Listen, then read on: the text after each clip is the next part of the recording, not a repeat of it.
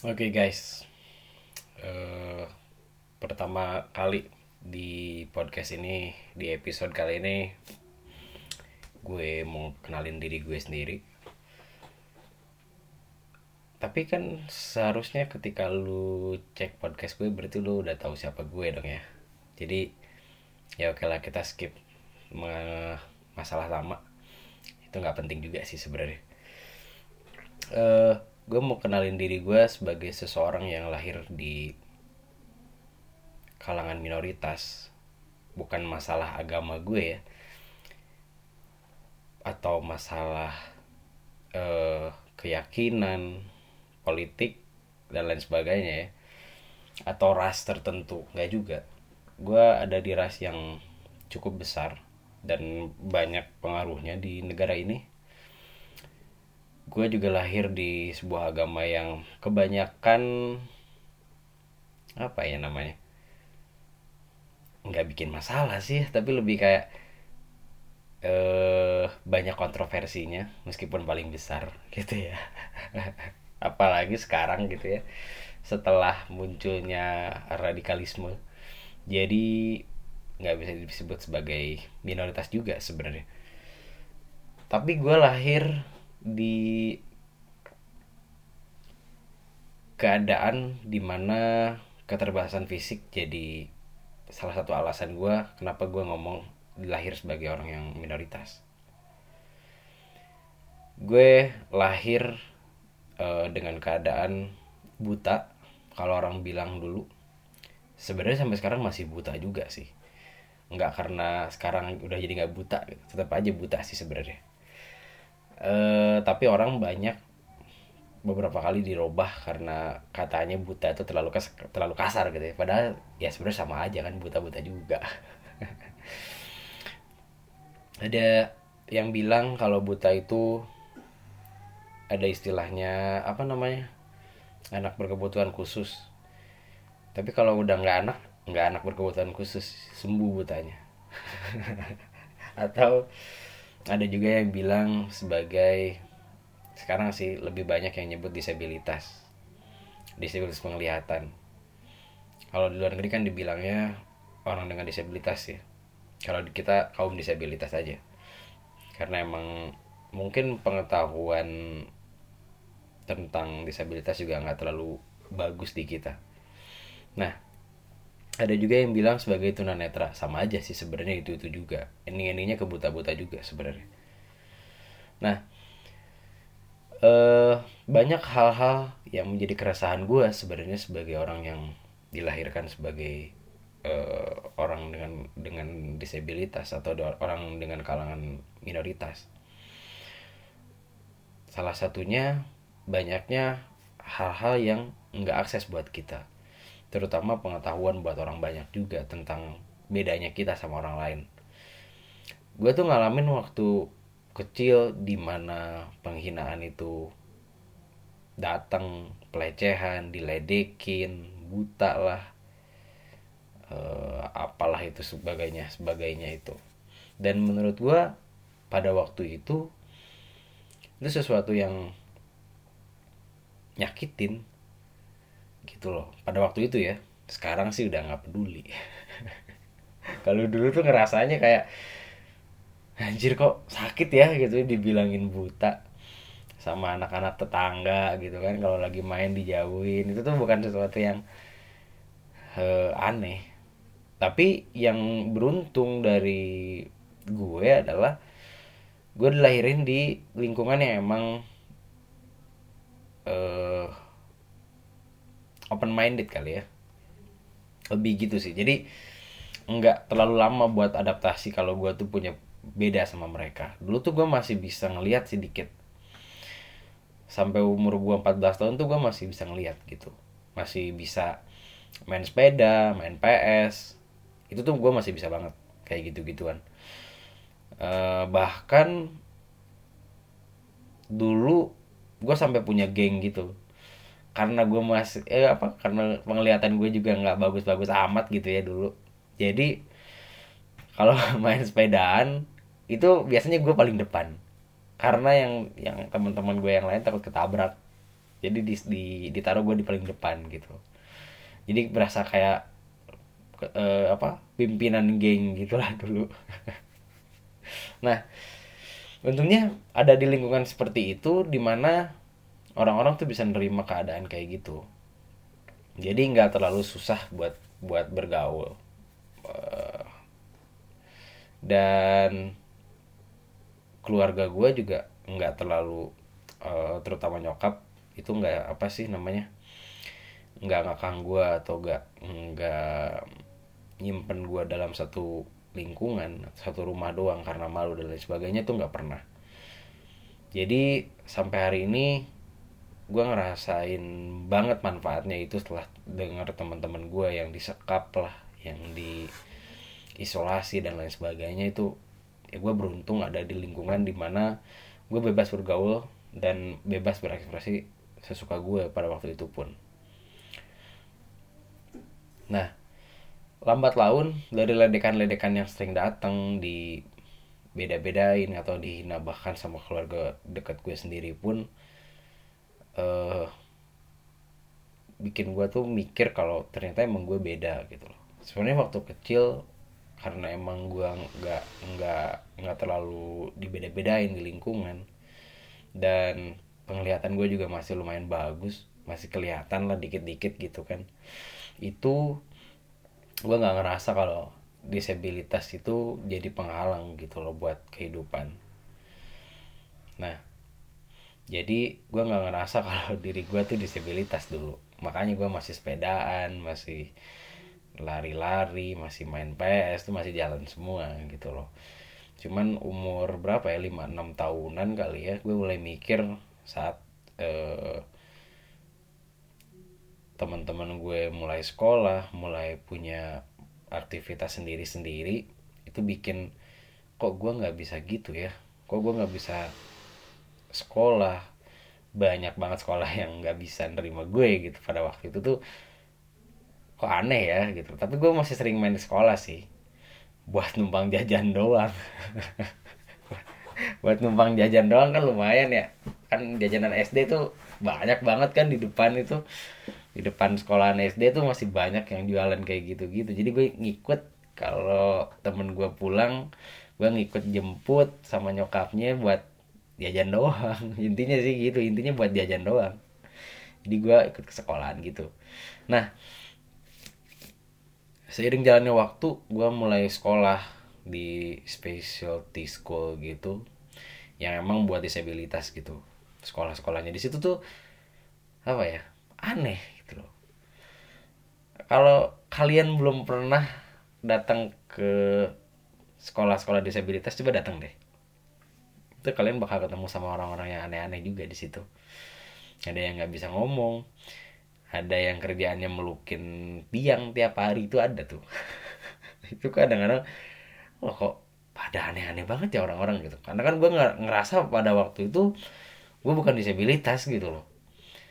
Gue masih bisa berpikir dengan cara yang normal masih bisa ngeliat meskipun dikit jalan gue normal juga ngomong gue normal juga ngelihat orang-orang kok pada aneh-aneh gitu. Itu apa ya perasaan gue waktu itu ternyata ada banyak yang lebih aneh daripada gue gitu. Nah dari sekolah itu karena kebetulan sekolah SD gue dulu tuh campuran. Jadi dalam dalam sekolah luar biasa atau SLB itu ada beberapa kategori kan ada yang uh, khusus buat nggak bisa ngeliat nggak bisa ngomong atau dengerin uh, which is bisu atau tuli. Terus ada tunagrahita yang dia tuh keterba keterbatasan dalam hal mental. Sama rata-rata IQ-nya itu di bawah uh, batas normal di bawah 90 jadi dia tuh biasanya cuma berlatih doang buat buat hidup buat ngerawat dirinya sendiri gitu-gitu. Tapi nggak bisa belajar kayak kimia fisika tuh kayaknya nggak masuk debat mereka. Overdosis nanti mereka. Eh, nggak uh, maksud menghina ya itu. Takut dipersekusi nih. Uh, terus ada lagi yang tunadaksa. Yang dia tuh punya keterbatasan dalam fisiknya dia.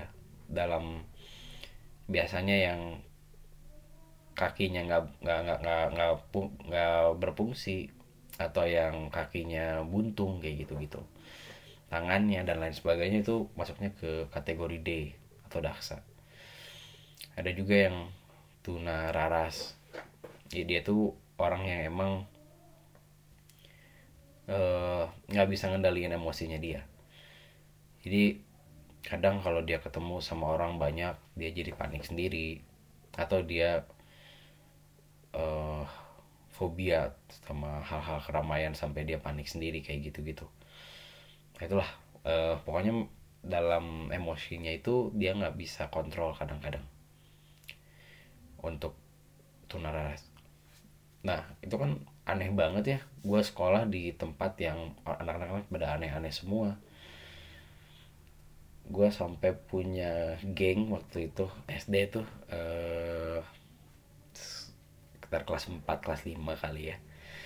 Gue tuh sampai bisa ini teman-teman gue yang gerahita tuh gue ajakin ngobrol ajakin bercanda-canda kayak gitu sampai mereka tuh akrab. Satu hari ada yang jahilin gue. Sebenarnya salah gue juga sih. Apa ya waktu itu? Gue ambil barangnya apa apa gitu marah kan dia sampai marah-marah gitu ngamuk-ngamuk lah. Gue dibelain sama teman-teman gue yang itu sampai mereka ini berantem sendiri. Aduh. Itu pernah kejadian waktu itu waktu SD kelas 5 apa kelas 6 gitu. Nah udah gitu dari sana gue lulus pindah ke SIB yang emang khusus buat uh, teman-teman buta semua. Orang-orang buta tuh masuk di situ semuanya jadi tempat bertemunya antara anak buta satu sama buta yang lainnya di situ. Gitu kita lalu bikin koloni bikin negara sendiri. Oh nggak ada yang itu. Belum jadi kalau bikin negara sendiri. Kenapa? Karena kita dipersekusi dari negara ini. Jadi nggak jadi. Jadi eh, tempat itu buat buat kita kumpul-kumpul buat kita belajar sama-sama gitu loh. Karena banyak hmm, teman-teman yang disabilitas itu dikurung atau susah ketemunya. Dan itu kan emang beda-beda ya nggak kayak tiap kampung lu bisa nemuin orang-orang dengan disabilitas tuh nggak bisa. Kadang orang dengan disabilitas tuh adanya di tempat-tempat yang nggak bisa ditebak di desa-desa kayak gitu-gitu. Jadi kalau sekolah-sekolah yang lain itu biasanya nungguin murid datang ke dia kalau SAB tuh beda. Dia tuh uh, mencari muridnya sendiri. Jadi bukan di bukan nunggu tapi dia nyari juga. Nah itu. Bedanya itu sih. Nah gue sekolah di situ selama kurang lebih tiga tahun kumpul sama teman-teman yang buta juga dari semua daerah kebetulan. Dan uh, gue punya banyak pengalaman yang ternyata gini loh rasanya jadi orang buta gitu loh. Karena gimana pun menurut gue nggak sehat juga sih kalau kita terlalu banyak ketemu sama orang buta dan sesama kita juga. Gitu di situ gue masih sesensitif itu sih. Belum bisa se terbuka itu dalam berpikir. Gue masih punya ketersinggungan terhadap kebutaan gue masih punya apa ya uh, fobia terhadap kata-kata orang gitu loh. Meskipun pada waktu itu gue ada beberapa organisasi juga yang yang yang gue ikutin. Tapi ke ketakutan itu masih masih masih besar. Sampai akhirnya gue sekolah di sekolah yang enggak SLB lagi gue masuk ke sekolah biasa yang umum yang kalian semua masuk di situ. Gue ketemu sama ratusan orang tiap hari puluhan orang tiap hari di dalam satu kelas. Gue belajar gimana caranya buat bisa saingan sama mereka. Gue belajar untuk mulai menertawakan diri gue sendiri sih sebenarnya. Dari mulai SMA itu gue belajar untuk menertawakan apa pun yang ada dalam diri gue sebenarnya. Karena menurut gue pada akhirnya lu mau buta atau enggak toh hidup terus jalan gitu loh. Kalaupun mata lu ada tapi lu harus mati kan sama juga mati-mati juga. Tapi meskipun mata lu nggak jalan kaki lu nggak jalan tangan lu nggak jalan atau pendengaran lu nggak jalan lu masih tetap bisa hidup. Karena udah dikasih hidup sama Tuhan gitu loh jadi nggak ada alasan buat buat kita frustrasi atau depresi gara-gara itu semua nggak jalan. Itu yang membuat akhirnya gue mulai menerima keadaan mulai menertawakan diri gue sendiri menghina diri gue sendiri. So jadi hmm, saat orang menghina gue tuh gue udah ya udah biasa aja gitu hinaan jenis apa pun toh udah gue terapkan kepada diri gue sendiri oleh gue sendiri gitu loh. Jadi nggak ada alasan untuk orang bisa menyinggung gue lagi. Karena singgungan itu udah gue abisin sendiri gitu loh. Dan menurut gue ketersinggungan itu buat siapa pun gitu loh. Punya kekurangan atau kelebihan apa pun punya perasaan dan lain sebagainya itu itu tuh ada karena lu nggak bisa ngetawain diri lu sendiri. Lu tuh nggak bisa berdamai sama keadaan yang lu derita saat ini gitu loh. Karena gue percaya semua kekurangan semua kelebihan itu udah di udah ditakar sama alat mengukur yang baik dong gitu. Nggak mungkin Tuhan nyiptain kita dengan kekurangan aja atau kelebihan doang. Nggak mungkin. Tapi semuanya punya masalah semuanya punya problem yang beda-beda gitu jadi cobalah untuk belajar ketawain diri sendiri ledekin diri sendiri sama semua masalah yang ada di hidup kita. Itu yang bikin kita lebih nerima sama takdir sama nasib. Nggak harus kita selalu ngeluh selalu merasa kalau kita tuh paling galau paling sedih paling segalanya tuh nggak ada. Jadi kuncinya adalah berdamai sama diri kita sendiri. Banyak orang yang ngomong masalah itu. Gimana sih? Lu tuh harus gini harus berdamai sama diri lu berdamai sama masa lalu dan sebagainya. Tapi nggak ada yang ngasih cara untuk bisa berdamai sama itu semua. Mungkin dengan cara ngetawain diri sendiri ngetawain semua masalah yang menurut lu berat itu bisa jadi solusi buat lu damai sama sama masalah-masalah yang lu hadapin. Nggak sehat juga buat lu sebenarnya kalau lu terlalu banyak mendem masalah sendiri. Kasihan gitu loh. Jadi mulai damai aja mulai ketawain aja mulai ledekin aja lu juga nggak akan tersinggung kalau orang hina atau ledekin atau main di di di zona lu. Semua orang mungkin punya hal yang disebut sebagai titik kelemahan di mana ketika orang bahas itu atau ngeledekin itu dia bisa tersinggung gara-gara itu. Dan itu nggak salah juga. Menurut gue sih nggak salah. Cuman untuk orang tahu kelemahan itu kan nggak semua orang tahu juga. Banyak orang yang tersinggung apalagi di era sekarang gitu. Di mana ngomong dikit aja bisa jadi disalahin atau ngetik komentar yang nggak baik aja bisa disalahin bisa dibikin jadi masalah.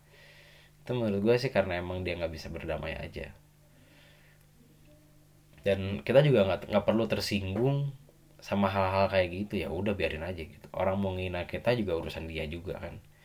Kita nggak usah ikut ikutan tersinggung gitu loh. Kayak dia tuh mantek api pakai korek gitu terus kena ke lu terus lu kebakar juga kan sama aja begonya. Ngapain gitu loh. Kalau lu tahu api itu udah bahaya buat lu ya lu ngapain juga nyamperin api? Biarin aja. Toh nggak akan rugi juga kan dia ngina-ngina kita gitu kan jadi ya baikkanlah hal-hal yang kayak gitu. Hidup tuh yang jalanin cuman kita doang. Eh, nggak uh, ada tuh. Gara-gara dia gara-gara ini gara-gara itu gara-gara siapa pun nenek moyang lu dan lain sebagainya. Lu bisa jadi sukses atau dan lain sebagainya. Enggak. Hidup tuh cuman cuman urusan lu doang. Lu mau sukses ya lu yang kejar gitu loh. Lu mau bego ya lu juga yang nentuin jadi ngapain kita harus mikirin kata-kata orang yang ngejelek-jelekin ataupun ngehina? Toh yang tahu baik sama benernya kan baik sama benernya lagi. Baik sama buruknya kan kita doang. Kita kita harus ngerti apa yang mau kita pilih gitu loh. Kalau kita ngerti kita paham sama apa yang mau kita pilih dan kita jalanin itu dengan pengertian yang baik bodoh amat orang mau mau mikirnya jelek apa bagus mereka juga nggak ngasih kita makan kan? Atau nggak ngidupin kita beliin baju gitu kan? Nggak juga. Ngapain dipikirin? Udahlah hidup itu dibikin sebagai ketawa aja. Makanya gue bikin podcast ini gue kenalan sama kalian semua. Gue kenalin siapa gue gue kenalin perspektif dari perspektif mana gue mandang hidup gitu loh. Mungkin ke depannya gue akan lebih banyak hmm, mengeluarkan caci maki gue di podcast ini sih. Setidaknya gue punya media untuk uh, ngetawain dan melecehkan hidup gitu loh. Nggak uh, ada gunanya sih sebenarnya kalian dengerin ini juga nggak nggak nggak ada manfaatnya. Cuman ya kita sama-sama ketawain aja lah hidup ini ngapain dipikirin atau dibikin sedih? Nggak akan kaya juga mikirin hidup. Jadi buat kalian yang emang mau ngetawain hidup dan mau coba untuk memandang perspektif memandang kehidupan tuh dari perspektif yang lain yuk kita jalan bareng-bareng deh. Biar nggak sendirian juga nanti kalau ketabrak gitu kan. Atau mati juga nggak sendirian juga. Kita bareng-bareng gitu nah gitu. Dan bakal banyak banget keluhan-keluhan ataupun apa pun yang harus diketawain dari keluhan-keluhan itu sebagai dari sudut pandang minoritas tentunya. Dari sudut pandang uh, yang nggak pernah bisa dibayangin gitu oleh kalian semua. Sama lu semua tuh nggak mungkin kebayang lu per, ada ada orang yang ternyata dengan hal-hal kecil itu menyusahkan banyak pihak gitu loh. Termasuk tangga dan lain sebagainya. Yang lu pikir sebagai sesuatu yang lumrah ternyata nyusahin orang banyak gitu loh. Gue mau ngomongin tentang itu mungkin juga ngobrol sama orang-orang yang emang sama punya keresahan apa pun. Ya gue gue mau bikin sebuah media di mana ya kita ketawain sama-sama kita ngeluh sama-sama karena ngeluh juga salah satu terapi untuk kita sehat. Gue sih nggak mau punya penyakit darah tinggi ya. Jadi kayaknya ngeluh lebih bagus deh gitu. Ngegosip itu lebih bagus deh dibanding harus punya punya penyakit darah tinggi. Sakit soalnya nanti gue nggak bisa makan enak lagi. Secara hidup kan cuma buat makan doang. Gitu ya. Oke uh, mungkin buat monolog kali ini gue cukupin sampai situ aja. Mudah-mudahan gue punya kemauan untuk melanjutin di seri berikutnya. Dan nggak apa ya nggak kehalang sama males. Karena biasanya males itu jadi senjata pamungkas untuk mengakhiri semuanya. So terima kasih yang udah dengerin dari awal sampai akhir monolog ini yang nggak penting.